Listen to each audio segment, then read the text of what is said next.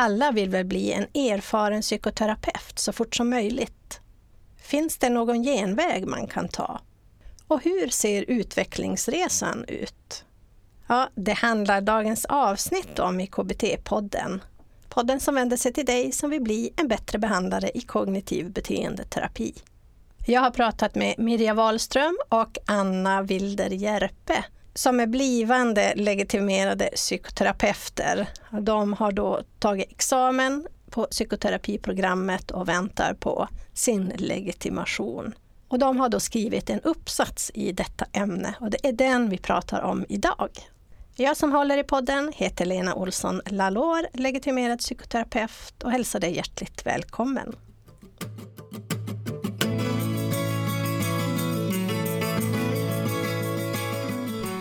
Välkommen till KBT-podden avsnitt 276.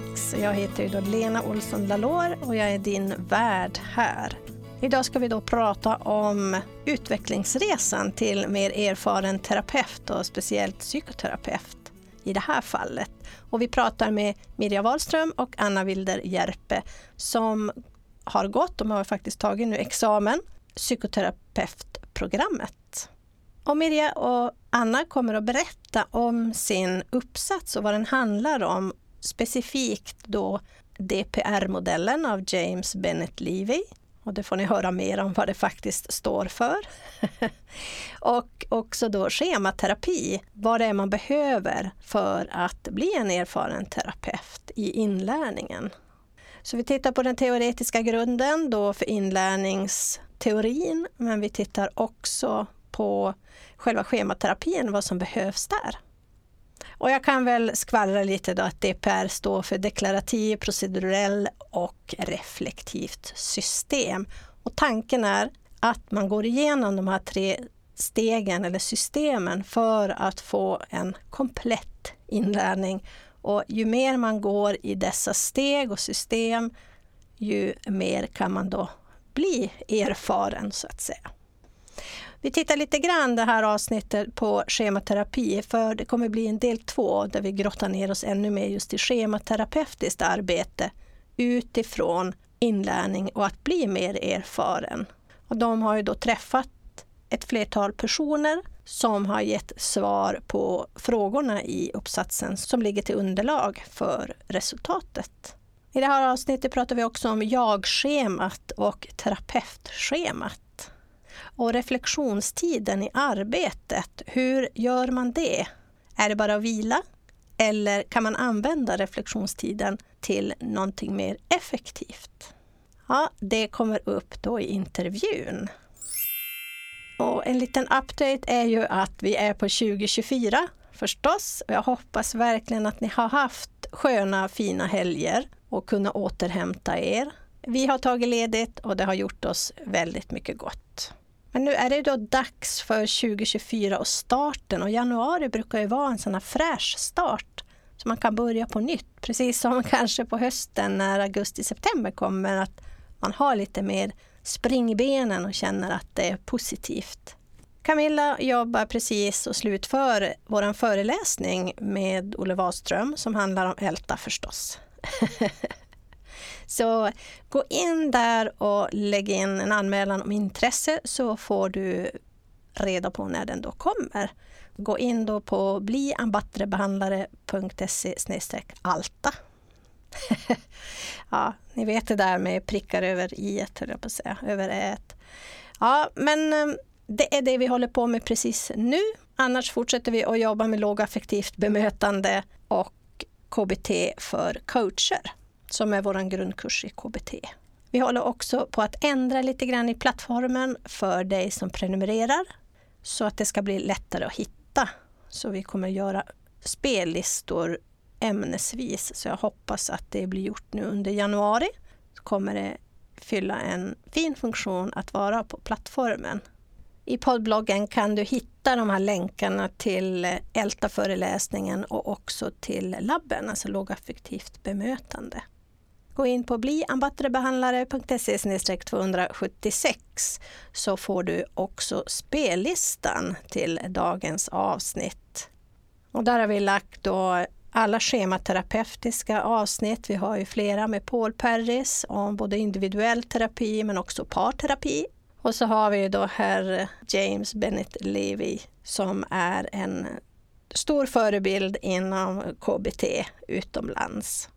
Och sen lägger jag också in Anna Rosa Perres avsnitt med Teraplay för där går hon igenom kärnbehoven som också är en stor del i schematerapi. Nu ska jag inte låta det vänta längre utan här kommer ett guldkorn från avsnittet med Mirja och Anna och vi pratade om utvecklingsresan till en mer erfaren psykoterapeut. Vilken teoretisk eh, grund grundförståelse behövde ni ha då för att ställa de här frågorna? Ja, det är ju det här, det här lite dubbla kommer in. Dels har vi ju såklart schemateorin liksom, och vad den mm. grundar sig på och alla, alla de delarna. Men sen valde vi också James Bennett Levis eh, modell för DPR, alltså, som egentligen handlar mycket om terapeutisk utveckling eller hur vi, hur vi utvecklar eh, ett terapeutjag egentligen och hur den utvecklingsresan kanske bör och behöver gå till. lite grann så. så det är väl våra två huvudteoretiska spår skulle man kunna säga. Mm. Mm. Jag tänker egentligen skulle DPR-modellen kunna appliceras på ganska många former av utveckling. Eh, inte enbart då psykoterapeutisk utan även all form av lärande som man ska omsätta mm. i praktik. Där man behöver involvera sig själv. Det tror jag absolut att den är ju den är ju mer skriven för att han är inom det fältet. Ja, men det är ju precis. själva inlärningen han pratar om i mm. utvecklingsresan där. Mm. mm. Och DPR står för? Ja, det är det deklarativa systemet, det procedurella systemet och det reflektiva systemet. Mm. Det är ju det här engelska begrepp som vi har översatt mm. eh, till de här orden. Då. Just det. Ska vi börja där och titta lite på DPR för att Eh, den ligger ju ändå till grund och sen kommer schematerapin in då också. Mm. Kortfattat kan man säga att allting börjar ju som idé 1 som då står först med för det deklarativa systemet och det är ju mycket mm. det vi kan kalla för baskunskap eller den, den, teoretiska delen, att lära sig teorier, att lära sig faktan, att uh, läsa in metoden. Mycket, mycket de delarna behöver sitta som ett mm. första ett första stopp på något vis för att ha någonting sen att bygga praktiska erfarenheter eller terapiarbete på så behöver vi först liksom känna oss trygg i en teori och en metoddel. Lite grann så. Mm. Det inkluderar ju liksom ganska mycket det här vadet. Vad är det för någonting? Mm. Men också terapeutens personliga förutsättningar, hur man tar till sig det här vadet också.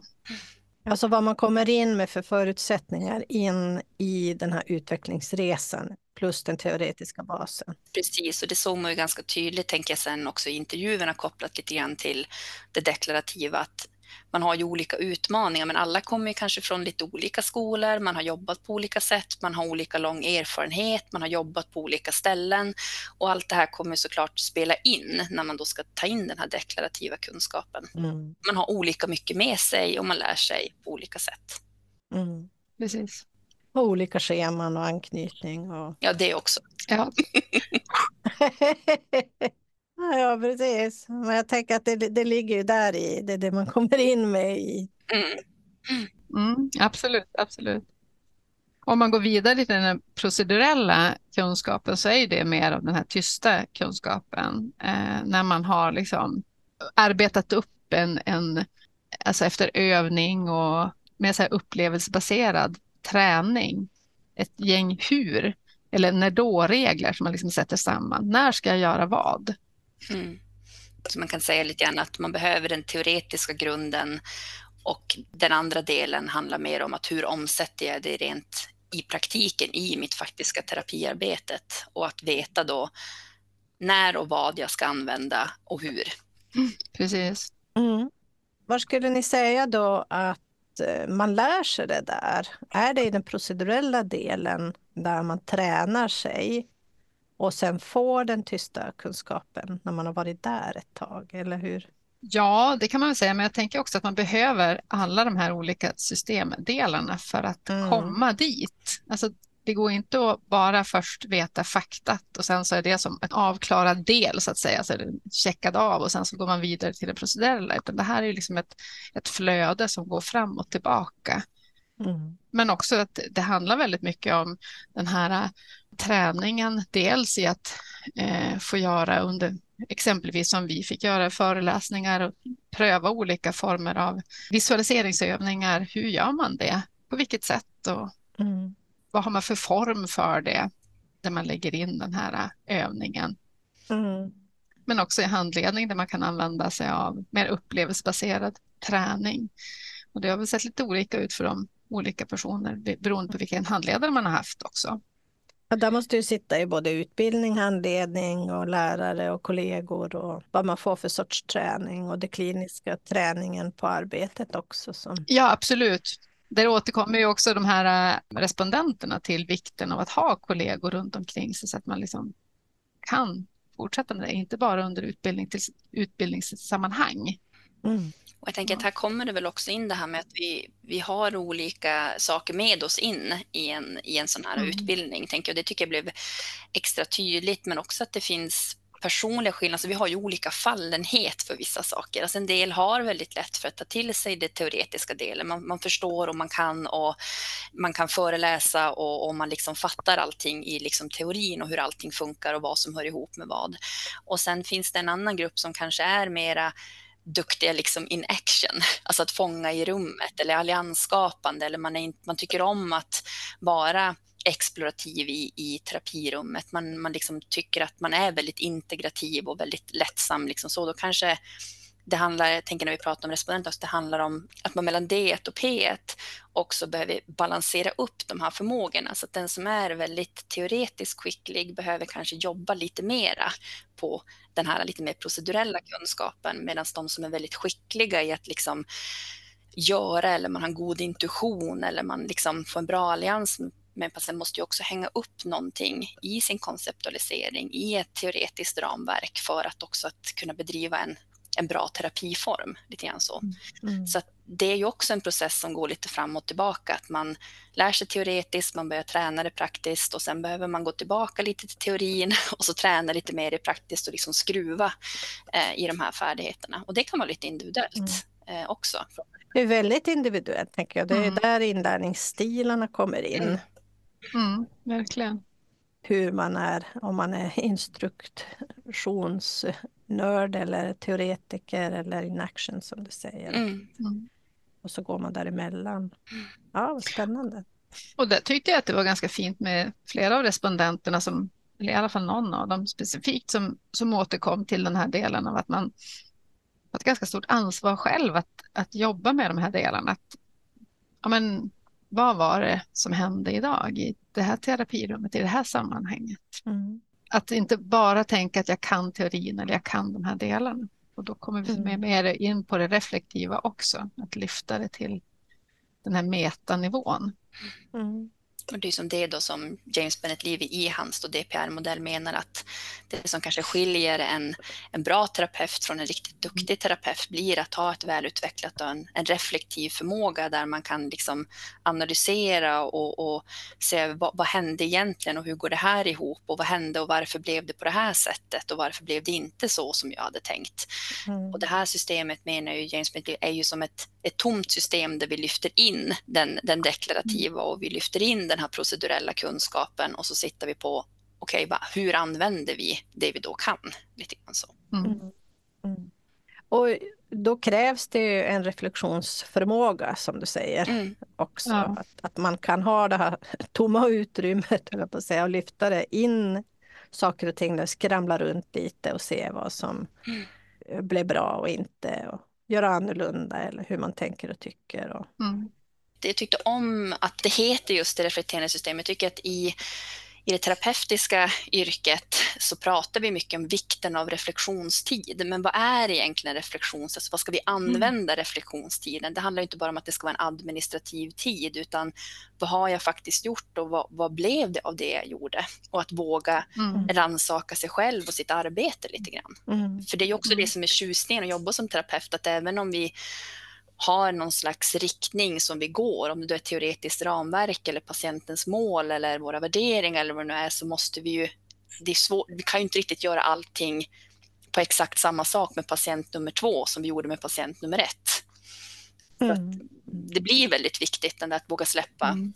manualen då till exempel eftersom att man i schematerapi då, så det är mera transdiagnostisk då, modell och inte en manualbaserad behandling. Mm. Jag tänker också det här reflektiva systemet att eh, när vi har reflektionstid på jobbet till exempel, som du säger, då vet vi inte riktigt vad vi ska ha den till. Många förväxlar det med vila mm. och en andningspaus och det behöver vi också förstås. Men det är inte riktigt reflektionstid i den här bemärkelsen. Nej, Nej men precis. tycker jag man kan ta stöd av det här reflektionssystemet, reflekterande systemet, för att faktiskt grunna över de här sakerna. Och det tror jag vi är relativt dålig på. Mm. Och det tänker jag också att man kan ju göra den här reflekterande delen med sig själv och en kollega eller man kan göra det under en handledningstid eller i en reflektionstid. Man kan ju också faktiskt spela in sina sessioner och titta på sig själv och det tror jag inte faller så naturligt för många terapeuter att sitta och titta på sina inspelade sessioner men det är ju fruktansvärt lärorikt att verkligen sitta och reflektera mm. kring vad gör jag egentligen? Missar jag någonting? Är jag för snabb? Är jag för långsam? Är patienten med? Vad händer liksom? Så det är ett otroligt bra sätt att just reflektera över vad man faktiskt gör i efterhand. Mm. Mm. Det var allt vi hade att bjuda på idag och vi tackar allra ödmjukast Mirja och Anna som har deltagit och varit med i KBT-podden. Det här är ju verkligen våran resa till en eh, terapeut, alltså från jag-schemat till terapeutschemat och även då integrering av de två. Och vi behöver ju gå igenom DPR-modellen som jag antar att ni känner till mer om nu efter detta avsnitt. I poddbloggen kan du se spellistan bliambattrebehandlare.se 276. Och spellistan går ju då till Paul Perrys avsnitt schematerapi, både individuellt och i par. James Bennett Levis egen terapi pratar han om där, self experience, self reflection. Och också Anna Rosa Perris Teraplay som går igenom kärnbehoven. Bli ambattrebehandlare.se 276. Och oavsett om du har köpt dig en prenumeration av KBT-podden så kan du givetvis ta del av guldkornen på hemsidan. Bli abattrebehandlare.se 276. Glöm inte att anmäla dig till webbföreläsningen med Olle Wadström på bliambattrebehandlare.se alta. I nästa avsnitt får vi då resterande av den här långa intervjun med Mirja och Anna och då går vi in specifikt i schematerapi och hur den utvecklingsresan kan se ut. Vad man behöver och inte behöver. Så vi grottar ner oss ordentligt i det, så jag hoppas att ni finner det intressant. Jag och Techmillan hoppas på ett snart återhörande. Hej så länge!